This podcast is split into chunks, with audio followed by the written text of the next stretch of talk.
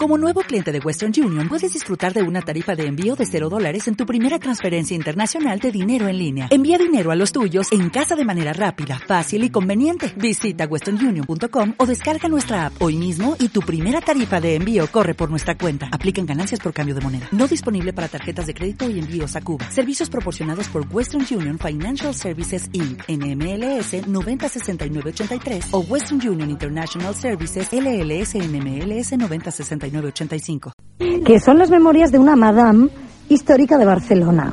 Ella empezó a ejercer por consejo de su madre y terminó creando su propio negocio.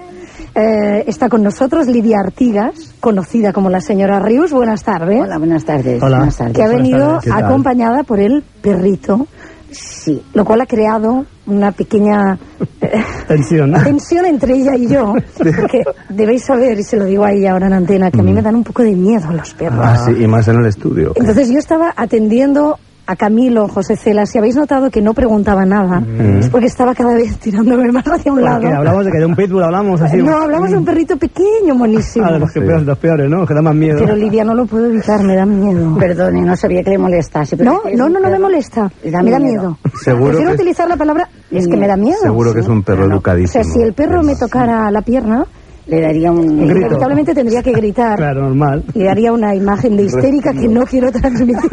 No, no, en absoluto, en absoluto, lamento, pero no se preocupe que porque Siempre va, educado, siempre va con el perro. Además, casi siempre ya cuando nos reciben en los estudios dicen, ah, es un perrito muy bien educado y es muy bueno. Claro. Pero no, bueno. si no tengo ninguna duda que es educadísimo. Quizá la que no está educada para No. estar con perros soy yo. No, no, el problema debe ser mío. No, de ninguna manera. Lo que sucede es que eso son cosas que pasan a personas, muchas señoras o señores no les gustan los animales y les da un poco de pero que no pasa nada.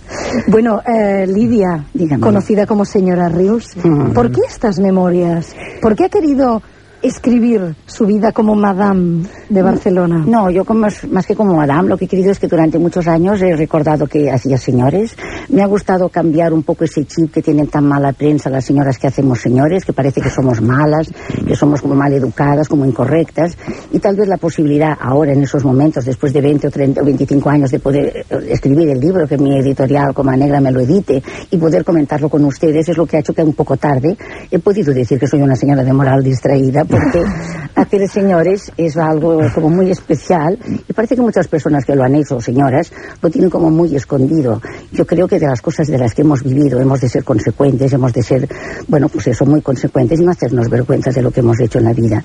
Y esa posibilidad que me han dado ustedes de poder editar el libro y hacerlo creo que es muy importante, porque hay un mal, se habla mucho de nuestro tema y se habla mal, porque la mayoría de personas nada más conocen ese lado de, de esos baretos, de esas señoras. de la-. Sí, exacto. Y esa, ese sitio de las calles donde las mujeres alborotan, esas mafias que reclutan a mujeres para explotarlas. Entonces, pues a mí me ha parecido que era, bueno, no sé, que, que podría tener. Claro, la pero todo eso. Lidia, eh, existe y usted lo conoce y es lamentable que exista. Sí, por descontado, sí. O sea, sí, quiero sí. aclararlo ya al principio de la entrevista. Sí, toda porque... cosa, toda cosa que no sea voluntaria, ¿no? Sí, exacto, pero eso es como si a usted ahora la reclutasen para hacer otra cosa que no hiciera lo que usted hace tan bien y tan bonito, también sería una explotación, en- en- no, no es la nuestra solo, cualquier cosa que usted no quiera hacer y la exploten es malo. Ahora, ese mundo está aquí, pero luego hay otro mundo que es el mío, bueno, el que yo conozco. Yo cuando era joven en el campo del Barça, que veía esas muchachas que habían, pensaba, uy, yo no tengo nada que ver con estas muchachas y hacía las mismas cosas. Entonces yo creo que como haces las cosas de la manera que las haces, el significado es diferente, porque una mala idea, porque eso que usted dice está muy bien, yo creo que esas mujeres en la calle alborotando y todo es muy malo. Pero bueno, también tenemos el ejemplo de los muchachos del botellón, que también es un espectáculo tremendo. Y esas Sí, yo más que las mujeres la calle. alborotando, lo que, lo que más indigna a la sociedad es la cantidad de mujeres engañadas, Claro. eh, que viven de La sensación de esclavitud y de esclavizadas por sus chulos, por ¿no? sus Quizá, proxenetas, sí. ¿no? Yo de todos modos cuando era joven había eso que le llamamos de los proxenetas o que llamaban esa palabra que usted ha dicho, pero en Barcelona es una señorita trabajaba, no podía buscar un piso si no era en nombre de un señor y entonces Ah. esas señoritas pagaban a un señor y luego decían eso de la palabra chulos, pero que eso no Ya. creo que fuese así. Ahora tal vez sí que hay otro tema porque hay muchísimas personas de fuera del país, hay esas señoritas que han venido y que tal vez naturalmente se están por la carretera o las miran en qué coche se suben, en qué coche no. no. Entonces por eso yo nada más conozco el mundo de las casas, en las cuales me he sentido como muy como muy bien y todo amparada. Yo empecé en una de las mejores casas de Barcelona y me sentí como muy bien. La prueba es que cuando cerraron las casas me sentí de muerte, ya no podía estar en la calle o en un bar. Cuando era usted empezó, como dice, en una de esas ¿Con qué casas. años? ¿Cuántos años tenía? 21 22, sí. 21, 22. Me sabe Sí. mal, pero puedo decir que tengo 70 años ahora, pero que, bueno, que Pues tengo que deciros, pasado. Javier y Jesús, sí. que es increíble que tenga 70 años. Ajá. Porque es una mujer guapísima. Conserva con un pelo rubio, eh, platino. Hay una foto en el libro y- que no se la ve muy bien porque se la esconde el perro perfectamente. Sí. Ah, está el perro Pero, pero está debajo de Audrey Hepburn y se, se adivina que es una mujer bellísima, la Muchas verdad. se la gracias, voy a, se la voy a pasar a el- Javier el- cansado el, libro para que tiene, tiene, por lo que dice, un, un carácter así reivindicativo un poco, ¿no? De, digamos, de la, de la profesión, ¿no? Bueno, yo siempre, como digo, hacer señores es, es, es importante porque creo que si nosotras no existiéramos, las parejas vivirían muy mal. Entonces yo creo que eh, es evadirse un poco, ¿no? Yo creo que el contrato social y económico de las- del matrimonio no es la suficiente garantía para pensar que eso tiene que salir bien. Entonces yo creo que esas pequeñas evasiones de venir un poco a nuestra casa hace que las demás parejas vivan mucho mejor. Es como si a una señora en un armario tiene 10 vestidos y el señor solo lleva un traje. Entonces yo creo que en casa se come bien, pero de vez en cuando hay que ir al restaurante. Pero hay- hay- es curioso los, los eufemismos que, Sí, los sí. eufemismos A que, que utiliza usted. Hacer hombre me encanta, hacer- Claro, hacer Sí, hombre. hacer hombre, empezando por señoras que hacemos señores. Sí, y hacer señores, eso, eso me, me- me señores. parece muy divino, ¿no? Muy de, de decir, bueno, eh, ca- casi tocados por la mano de Dios, voy a hacer este Pero señor ¿por qué, a, a imagen ¿por qué empezó Lidia? Mm. Bueno, empecé supongo como casi todas ¿Quién, las... quién la metió en esto? No, eso es también de que es mi madre. Lo que pasa es que mi madre hacía señores, pero no era tan disciplinada, no, les, no le gustaba. Eh, vivíamos en una pensión, no sé si usted ha leído el libro, teníamos que marchar sin pagar. Y yo cuando, bueno, estuve con un señor durante cuatro o cinco años, luego pues trabajé en varios sitios, pero ya era todo muy mal. Y entonces era muy disciplinada. Yo digo, mamá, tú quédate en casa y haré yo los señores. Porque para todo en la vida hay que ser disciplinado, hay que creer en las cosas que haces y sobre todo hay que quererlas. Parece un poco Berlanga, ¿no? Eh, Madre, quédate en casa, a los, los señores. Yo. Pero Y- ma- y- madre, quédate en casa y haré yo los señores. Sí. Y con 21, 22 años, ese primer señor que tuvo que hacer eh, Claro. no le disgustó, no le desagradó. ¿Cómo fue esa ¿No se experiencia? sintió Porque, agredida? No, en absoluto, en absoluto. ¿Le gustó? Bueno, a ver, hay unas cosas que hay que tener en cuenta que creo que estuve con aquel señor yo he sido mucho de cine. Y cuando estaba con aquel señor, que además era un señor encantador, porque es curioso, me acuerdo del primer señor que hice en aquella casa, del segundo Claro. ya nada, es curioso. Claro. Nada, nada, Eso le iba a absoluto. preguntar, ¿qué es Pero del primero del sí, primero? del primero sí, porque además en broma era el segundo señor de mi vida, que también tenía su, bueno, un Sí, poco de gracia, ¿no? sí. Y mientras estaba con aquel señor, me acordaba de la película de la Escarlata O'Hara de lo que el viento se llevó. Cuando coge aquella mm, tierra y dice nunca más Nunca pasaremos más, hambre. Y entonces yo pensé que, mm, que tenía que hacer señores, porque era lo que tal vez nos ayudaría a vivir con una cierta dignidad. Y sobre todo porque yo no me sentí nunca esclava de nada, de hacer nada. Porque tal vez es el único trabajo que sí, una, yo he podido dejar de ganar un dinero, pero no he hecho nada que no he querido hacer. Y como realmente, a pesar de que eso suena un poco fuerte y tal y cual, pues no me he sentido incómoda con los señores. Además, mi pequeña vanidad de saber que un señor preguntaba por mí, arreglarme y sentirme bien, pues bueno, me ayudó mucho, me ayudó mucho. Es que el término hacer señores es, viene, viene que ni pintado, porque claro, toda esa cosa que, claro, eh, la prostitución tiene esa cosa de negocio con el cuerpo, ¿no? Eh, pero visto desde, desde la óptica de la, de la señora que hace señores, pues, pues le dejan la misma, eh, en el mismo plano que al cliente, ¿no? Bueno, yo diría que... mm, yo- Equipara la moral de uno a otro, ¿no? Bueno, yo creo que el Señor naturalmente nos necesita. Y eso es como si hacemos un, un, no sé, un martini, que nos- las mujeres hemos de poner un poco más que el Señor cuando viene a nuestra casa, porque tal vez hemos de estar un poco más contentas, hemos de retribuir un poco más al Señor. Pero lo que sí es cierto es que cuando haces señores, como digo yo, porque es tu trabajo, yo nada más considero dos cosas.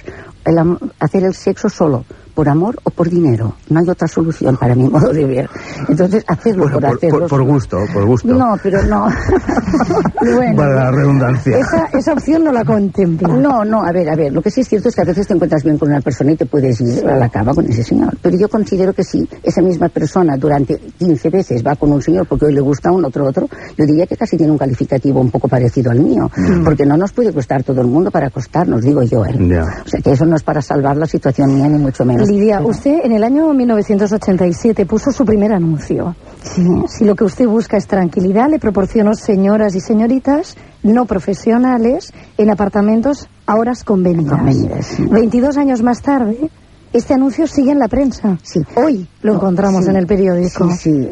Eh, bueno, cuando una cosa creo que funciona, tiene que ser así. Aunque yo el primer anuncio que puse en el periódico fue, si quieres saberlo todo, llámame. Que yo creo que era, fue un premio Pulitzer. Porque era un anuncio tan si quieres, bonito. Si quieres saberlo todo, Llámame. llámame. Nada que ver con los que aparecen ahora, de- de- de- de- que Era- no vamos a mencionar aquí. Era tan bonito que, que a veces algún señor guasón me llamaba, quiero saber la montaña más alta. Y digo, "Eh, perdón, el señor que se cuida, que eso ha ido a desayunar, ya no me que media hora. y entonces teníamos esa gresca peculiar. Pero Lidia, usted sabe que algunos periódicos han retirado la publicidad de contactos. Eh, quiero saber qué, qué piensa de estas decisiones y si le han perjudicado. No, no, no, a mí no, porque tal vez, como he dicho siempre, los anuncios que yo he puesto han sido como muy suaves y muy bien. Yo creo que esos anuncios escritos de esa manera son feos, porque eso es como si a mí algún señor me pregunta, oye, ¿qué harás? Perdone, si me pregunta cómo hago un arroz, me sale, bueno, no le voy a decir los ingredientes. Entonces ya no tienes de... No van a- ¿Usted no tolera que un cliente le diga No, no, qué no. vas a hacer? No, por favor, es que me parece horrible. Bueno, de- déjeme decirle, señora Ribus, que es usted de una elegancia, Lidia, Muchas gracias. impresionante. Muchas gracias. Pero hay que decir también que entroncando con, con- con- genéticamente, digamos, con, con el espacio anterior, con el invitado anterior, hubo- tuvo usted mm, clientes, eh, leído, eh, bastante honorables, como, bueno, el señor Cela, el señor Dalí, Ah. y todo eso. Cuéntenos cosas de El estos señor señores. Belmondo. Orson Welles, Ah, El sí, señor Jean-Paul Belmondo. Sí, sí. ¿Eso es verdad? Sí, lógicamente, ¿Todos ellos sí, han por pasado favor. por su casa? No, por mi casa no, por la calle de San Mario, que era la primera casa que yo La estuve. primera casa. No, no, no, sí. Bueno, yo sabía que me preguntarían algo de estas cosas, ¿eh? porque lo del señor Dalí, los señores de Figueras me van a coger una manía, pero No, bueno. pero bueno, no pasa nada. pero es verdad, el señor Dalí, tal vez esas personas con una capacidad intelectual son un poco más complicados y tal Mm. vez el señor, pues, pero bueno, ¿lo puedo contar lo del pato? Sí, por fuerte, favor. cuéntelo. Y, y además eh, es difícil hacer un señor del señor Dalí en el sexo. ¿eh? Se puede, se puede- se puede contar elegantemente. Sí, lo cuento, lo cuento. Lo que sucede es que lo del Seguro. señor Dalí y el pato, yo Sí. pensaba como era primeriza que todo el mundo pedía al pato y el señor Dalí venía con 10 o señoras muy altas y yo como también era alta, pues hacíamos como una corte celestial y llamarme el divino, llamarme el divino. El pato no llegaba. Y yo con aquella, bueno, digo, ¿qué tenemos que comer? como si no has estado con lo del señor Dalí. Y entonces el pato, pobre, cuando las señoras suecas lo cogían, cogían un cuchillo, le cortaban el cuello y la colita del señor Dalí, pues, eh, es que no sé si digo, ¿eh? Se deslizaba por el Se lo pato, hacía ¿no? con el No, pato. en el ano del, del Y se introducía en el Sí, pato, sí, sí. Entonces eso me dejó una visión tan horrible que, bueno, que nada más explico esas cosas por lo, por lo fuerte que yo creo que el señor David con su surreal- surrealismo y todas esas Eso era cosas. puro surrealismo. Exacto, entonces pues Claro. tal vez esa, esa manera de Era un hacer- happening El artístico. surrealismo llevado Aparte que él- al, al sexo. ha llevado en el sexo, Era- posiblemente eso era la Era posibilidad un que happening, un happening. Pero para una mujer como usted, Lidia, tan, tan cinéfila que ama tanto el cine, Sí. yo imagino que conocer a celebridades como Orson Welles, Ah. Jean-Paul Belmondo, etcétera, Sí. debía ser Tratarles de eh, tú a tú. digamos. emocionante. Sí, yo de todos modos a Orson Welles eh, sí me sentí como si fuera Rita Hayworth, porque de tantas las señoritas me eligió, era ya un señor mayor, porque estaba rodando en Cardona, creo, la de las... Ahora no me recuerdo. Campanadas a medianoche, Ah, exacto, pues. campanadas a medianoche, Bueno, sí, sí, sí, con la Jean Moreau. Entonces me sentí pues como muy bien y muy contenta, sí. Y el tema de Jean-Paul Belmondo, me parece que lo trajeron algunos señores de un sitio de, no sé si era de Liquino, una, una de eso que había en Barcelona hace años, y creo que había rodado la, mm, no sé qué, la sirena de Mississippi, bueno, no sé por qué razón. Pero del señor Belmondo, ah, no sé si tampoco puedo decirlo, ¿eh? Porque... No, no, pues no lo digamos, no, prefiero que no. Ah, no, la vale. gente que quiera saber más ya leerá el libro, la señora Ríos de Moral distraída. ¿Alguna vez eh, se enamoró de algún cliente, pensó en dejarlo por amor? No sé, yo es que también soy tan cinéfila, Pretty Woman, ya sabe, Julia Roberts, Richard Gere. sí. ¿Eso pasa en la vida real o a usted le ha pasado? A mí particularmente no, porque he tenido muy claro que el trabajo no tiene que estar nada que ver con el amor, es un trabajo y no cada cosa en su sitio. Pero lo que sí es cierto es que yo en mi casa he casado a tres señoritas. ¿Ha Que- casado a tres señoritas con clientes? Sí, sí, con señores que estaban en libertad condicional, como digo yo, que ya están bien y muy bien. Porque no sé ¿Cómo que estaban? No, no, no, no entiendo el Está condicionado. concepto. Divorciados, Estaban quiere separando. decir, ¿o qué? Sí, exacto, que estaban solos. Estaban separados. Es genial. Ella todo lo tiene que decir de Muchas forma... gracias. El, muchas el- el gracias. gran eufemismo. Es, Bueno. es una inventora del lenguaje, señora. Y a tres de ellas gracias. las sí. casó. Sí, las he casado, sí. ¿Siguen casadas? Sí, sí, sí, por descontado. Yo creo que una mm, señora de moral distraída Mm. es más fiel, y sin ánimo de las demás señoras se molesten, pero es como una especie de, aparte de fidelidad, como un agradecimiento, como algo como muy especial. Y creo que cuando se quieren, que eso siempre digo siempre a las demás señoras, cuando un matrimonio se quiere, nunca piensan con la señora Rius ni con nada, que queden tranquilas las demás señoras, que no vienen a casa de la Rius. Ahora, lo que sí es cierto es que hay matrimonios que ya están deshechos por problemas económicos, por hijos, y entonces eso es otra historia. Pero lo de las señoritas nuestras, yo creo que, aparte de quererse, hay como una especie de agradecimiento, porque tal vez piensas que, que puedes rehacer tu vida, cosa que yo cuando era joven ya no podía pensar en ello. Ya. Porque entonces cuando tú ya habías estado con un señor, ya estabas mal vista en la época mía. Por eso a veces estoy muy contenta que, que ahora las señoras tienen muchas más ventajas que no tuve yo en mi tiempo. Lidia, ¿en el sexo está todo inventado?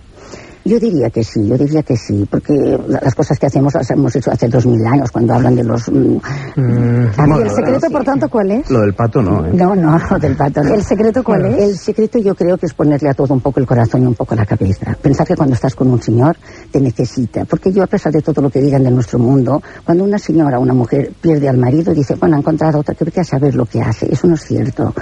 La mayoría de señores que vienen a nuestra casa necesitan compartir, hablar, esa soledad que ahora las señoras trabajan, están en casa, se van de casa, los niños, y entonces con, la- con el marido a veces se olvidan un poco de por la confianza, bueno, ya mañana, mañana, y ese mañana se prolonga. Entonces ese creo que es el problema, que es muy bueno que las señoras trabajen, pero es complicado llevar todas estas cosas a la vez. ¿Y los señores esto de qué, de qué edad hablamos? ¿Los señores de son también jóvenes o son ya efectivamente Yo- señores? o- Yo diría que, de todos modos, es, que me he hecho esa pregunta, yo creo que los, los señores jóvenes, los que vienen a nuestra casa por primeras veces, saben tratar mucho mejor después a las mujeres, Ajá. porque han aprendido un poco con nosotras, somos un poco como ese, ese aprendizaje importante. Y en cuanto a las edades, pues yo diría que oscila entre 27 a 30 hasta 70 años. Hay señores que usted dirá, pues 70 años, pero hay señores que se han quedado viudos, que han perdido una hija.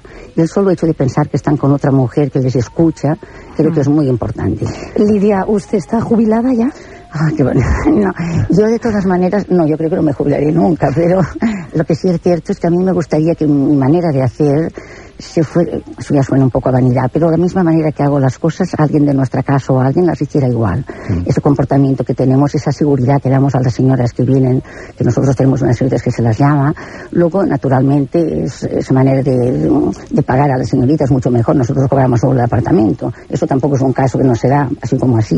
Y sobre todo la garantía de que el señor que estará en esta casa será un señor correcto, educado, porque yo ya filtro por teléfono al señor que quiero en mi casa.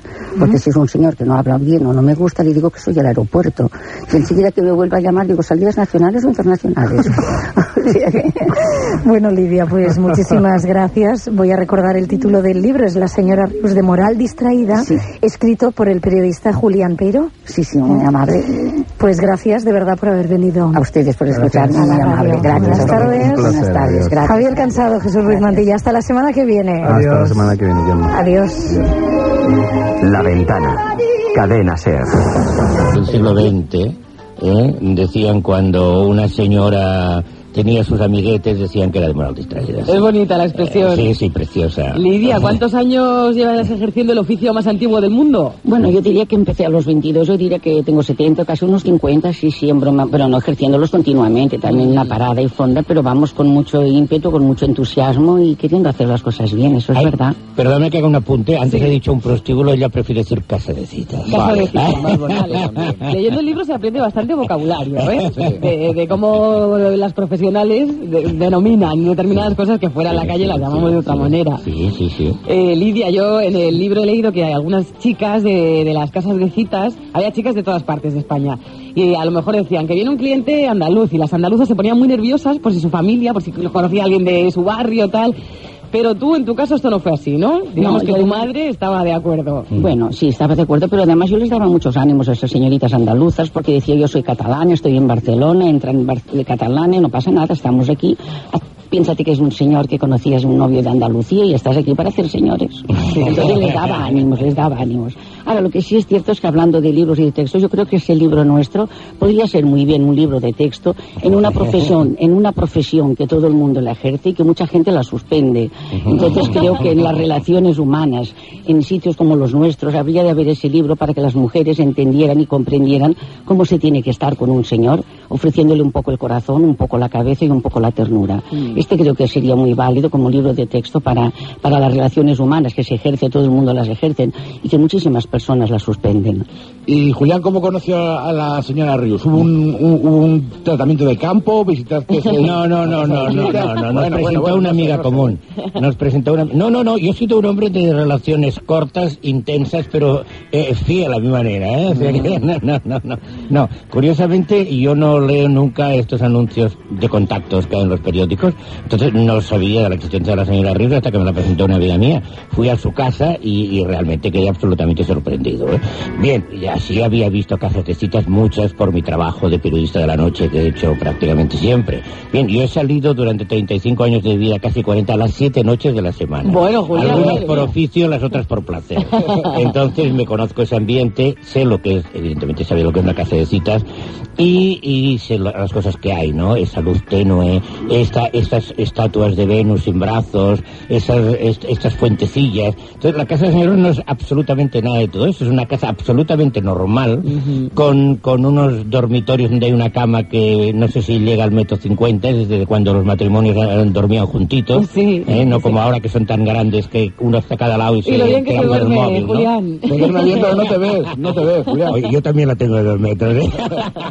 pero, pero no, aquí son pequeñitas, pequeñitas, y lo único que la diferencia de, por ejemplo, de la mía es que hay un galán de noche. Soy el galán de noche y hace años que lo tenía olvidado, y yo creí que no existía hasta que mi propia hija me ha dicho, papá, si lo tengo en mi dormitorio. Y, o sea que tampoco es tan raro el galán de noche. Lidia, ¿cómo fue cómo fue empezar en el San Mario, que era una casa de citas de las más notables? Es como si te más. el Barça. La más, Sí, la más. ¿sabe qué pasa, Celia? Que creo que cualquier cosa que tengas que hacer hay que subir escaleras. Luego pensé, las subiré. Si me caigo, pues las bajo. Entonces pensé que San Mario era la mejor casa de Barcelona y que mis inicios, que mi principio, que mis conocimientos tenían que empezar aquí. Y realmente me enamoré de San Mario porque era una torre muy bonita. Tuve la suerte, bueno, mucha suerte tuve de estar con un señor, el primer señor, o bueno, el segundo señor de mi vida, porque de hecho aquel señor también estaría muy contento porque era el primer señor en una casa que yo hacía. Y me encantó su manera de hacer y como nunca para mí ha sido una esclavitud hacer señores, no me he sentido esclava de nada, no me, he sen- me he sentido que le ponía cariño porque era, era mi vida, era mi trabajo.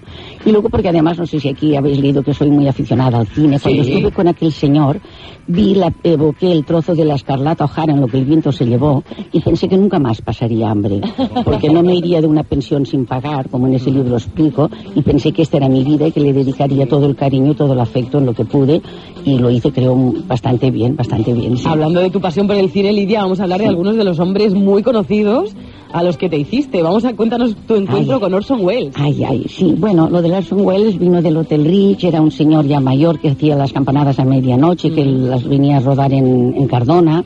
Era un señor que ya no era el señor apuesto de, de muchas otras películas, aunque el Orson Welles como muy, muy guapo no era, pero tenía No. una personalidad y solamente tenía una voz preciosa. Solamente para escucharle, que además hablaba castellano perfecto, porque si no, no hubiera entendido. Y me hizo tanta ilusión, porque yo pensé, como pasábamos tantas señoritas, que como mínimo era la Rita Hayworth, porque se quedó conmigo, y eso pues me halagó un poco esa Él vanidad. te eligió, él entró y dijo con ella. Sí, porque pasamos, entonces era otro sistema, pasábamos muchas señoritas y bueno, cuando la señora, la encargada me dijo, Lidia, toca a ti el señor, uh, qué contenta me puse. Sí, me puse contenta, sí. ¿Cómo fue, cómo se portaba luego Orson Welles en la intimidad? Orson Welles en la intimidad era un hombre encantador, pero mm, un señor obeso, un poco de eso, pero fumaba, fumaba, eso sí, fumaba mucho. ¿Que no estaba en forma, Lidia? ¿No daba la talla o qué? No, no. Yo como he tenido siempre muy buena voluntad para todas estas cosas y no es un problema de talla. Yo creo que en ese trabajo hemos de aportar más nosotras que el señor. Es como hacer un, un batido, ¿no? Tenemos que poner más salsa a las mujeres que el señor, porque el señor viene con preocupaciones y viene un poco pues que tal vez que la señora le motive. Pues yo creo que fui yo la que hice más cositas, hice todo lo que pude como siempre, pero yo creo que, que sí, que bien, que quedó muy bien, sí. Y con Jean-Paul Belmondo creo que la experiencia no te gustó tanto. Uf, lo de Jean-Paul Belmondo es que era muy apasionado, era muy apasionado y, y estuve casi dos días sin poder trabajar. de lo apasionado que era. Exacto, sí, siempre pensé la Catherine Deneuve tan, tan bonita y tan así como, pero bueno, sería que a lo mejor conmigo había otras cosas, pero lo que sí es cierto es que sí, estuve dos días, pero un señor también encantador, sí. Sí, que tú decías que con esos dientes tan horribles, Sí, ¿cómo podían sí, estar sí. con el Catherine Qué dentadura, qué dentadura. Sí. pero bueno, y, y no era postiza, porque digo, a ver si se me la va a dejar por algún sitio, pero no. No, No, la, no la volviste a encontrar. no, no, no la no. De todas maneras, nada tan sorprendente, mira que allí había cosas sorprendentes, como algunas costumbres sexuales, entre comillas, de Salvador Dalí. Ya, pero ¿Esto, ¿sabe? esto, esto, esto qué es? Eso que es que esas personas que tienen una mentalidad como más complicada, esos surrealistas como era él, creo que a la hora de hacer el sexo, lo que menos le importaba eran las señoras, igual que tenía su musa, pues no, la no le importaba que estuviera con chicos jóvenes, en el caso nuestro venía con 10 o 12 mujeres súper grandes, suecas, y luego las que éramos altas nos cogían como una corte celestial detrás de él, diciendo que eres el divino, que eres el divino. Cuando me dicen lo del pato, pensé, uy, aquí hay que comer. Y una señorita me dijo, ah, ¿no has estado nunca con él? Digo, no, no sé.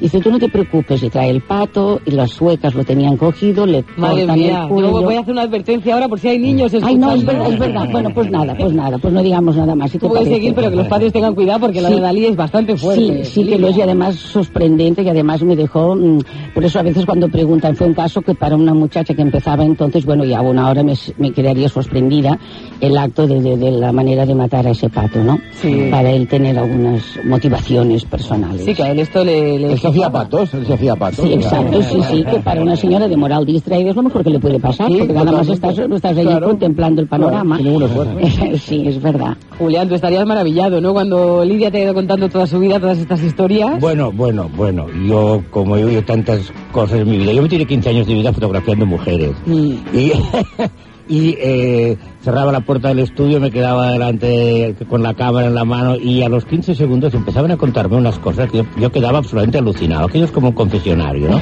Los peluqueros dicen que les ocurre lo mismo. He oído las cosas más graciosas, más divertidas y a veces más gordas de mi vida. O sea que ya lo he escuchado todo. Sí. Y lo de la señora Reeves fue, en- fue fantástico. Fueron tres años todos los domingos, todos los domingos, ¿eh? Todas las tardes de domingo allí hablando y tal, después de unas comidas fantásticas, porque ella cocina de maravilla. Qué buen plan, Y- ¿eh? Sí, sí, sí, fue fantástico. Y, y he oído tantas cosas tan divertidas, pero sorpresas, sorpresas, ya lo había oído todo. Mm. Lidia, también era sorprendente el comportamiento de Camilo José Cela, que también tenía su, su mm, fantasía particular. Sí, también, también la tenía, sí, porque creo que el señor, su madre era una señora muy severa, una señora inglesa, que se ve que la, la nurse o la señorita que, tra- que- que estaba con el crío, pues cuando se ponía nerviosa rompía cositas y entonces el muchacho se ve que le quedó esa especie de susto que veía reflejado en la muchacha y bueno, por la razón que sea, le daba por, por romper Era platos y romper vajillas y esas cosas.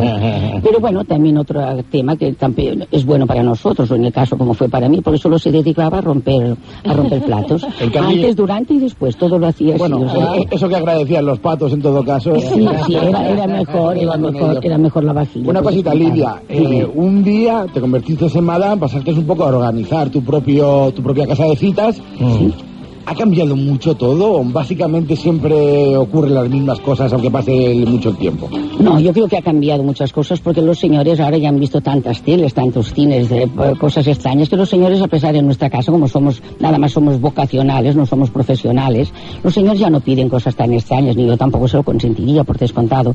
Lo único que cambia a veces es el argot. Cuando un señor quiere hacer, como antes decíamos, un menage a trois que quedaba más bonito, ahora dicen hacer un duplex, lo cual yo pienso, uy, vamos a, vamos a subir un piso. Entonces, esto es lo que creo que ha cambiado. Pero Vosotras lo llamáis cuadro, ¿no? Hacer bueno, cuadro. hacemos un mural casi a veces, pero bueno, pero creo que los términos han terminado, han sido más diferentes, pero la manera de hacer en el caso de nuestros señores, que además cuando un señor me pide cosas complicadas o por teléfono me dice, uy, no vamos a hacer nada, porque nosotros estamos en un plan que tiene usted que recurrir a sitios más profesionales, ¿no? Pero no, yo creo que los hombres en ese tema han mejorado y lo que más necesitan los hombres, y eso quiero decir a razón de, de las propias mujeres, mujeres necesitan compartir, hablar, hablar, hablar, porque en casa se habla muy poco, no da tiempo a de nada. El marido viene cansado, la mujer también trabaja, que me parece muy bien, viene cansado, no hay diálogo, y luego pues la mujer está más por las cosas que lógicamente son los hijos, cansada en el trabajo, y esas pequeñas cosas de las sensaciones o de las motivaciones nocturnas quedan as- relajadas pues a mucho rato, a muchos días, entonces tal vez el señor, como digo yo, en casa se come bien, pero de vez en cuando hay que ir a algún restaurante. Ese es el tema complicado del, del tema del sexo, ¿no? Sí, sí, sí, es complicado porque ahí ya es la moral de cada uno y lo que cada uno entienda. Otra cosa que ha cambiado Lidia, Sí. que a mí también me llamó la atención en el libro, es la depilación del pubis, que con esto aquí tenemos mucho debate. Sí, sí, bueno, en eso, eh, sí, no sé por qué hubo una, una época que se estiló mucho. Yo creo que no sé por qué razón, en casa nunca lo hemos tenido, pero ya también el señor Dalí con una pluma ya tenía costumbre de hacer esas depilaciones en el pubis. o sea que también, yo creo que sí que se ha heredado esto, pero eso pasó nada más durante tal vez dos o tres años que sí que los señores a veces por teléfono pedían lo del pubis. En cambio ahora quieren volver como si fuera la selva amazónica. Ahora, O sea, que ahora hemos se, lleva- pasado- se va a llevar Sí. otra vez el, otra vez. el Sí. poblado. Sí, sí, sí. Esto que nos da sí. mucha liberación, Lidia. Sí, es verdad. Y además queda mucho más bonito de todas maneras, ¿eh? Para Claro mi modo sí. de ver, sí. Claro que sí. Sí. Bueno, se nos va acabando el tiempo. Ha sido un placer conoceros. Muy Os amable. recuerdo a los oyentes el nombre del libro. La señora Rius, de Moral Distraí- Distraída, de Julián Peiro. Qué Y la editorial es Coma Negra. Como negra, sí. Julián Peiro, Lidia Artigas, muchísimas gracias por haber gracias estado con nosotros. Muchas gracias, gracias. Un abrazo. Adiós, Hasta gracias, luego. gracias. Adiós. Venga ese timbrazo. Qué ¿Doble nada? que vuelve, vuelve el gato muerto. Vuelve el gato muerto. Vuelve el gato muerto. Lo ha dicho una mujer que sabe de lo Hombre, dice negocio. ella como para decir que no. ¿Sabe lo que se lleva? Bueno, vamos a hacer una cosa. Yo te diría 110. Sí, Lo dejamos en 100 para que sea más fácil el cálculo. Vale, Doble o nada. venga. Venga, vamos.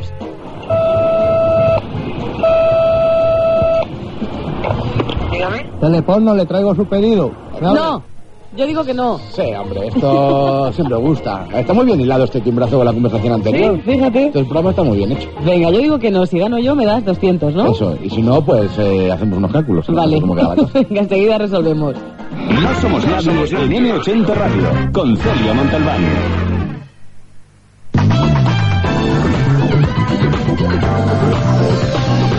M80 Ràdio, Barcelona 90.5. Dissabte vaig amb la família a veure un pis. Sí que estàs emocionat? És que és a 5 minuts de la platja, amb zones verdes, amb tots els serveis. I saps el millor? Està aquí, al costat del fòrum. Sí, és el nou barri marítim. Estan construint uns pisos increïbles. Vols veure'ls? Mira, anem a connectar-nos a l'eixampleblau.com.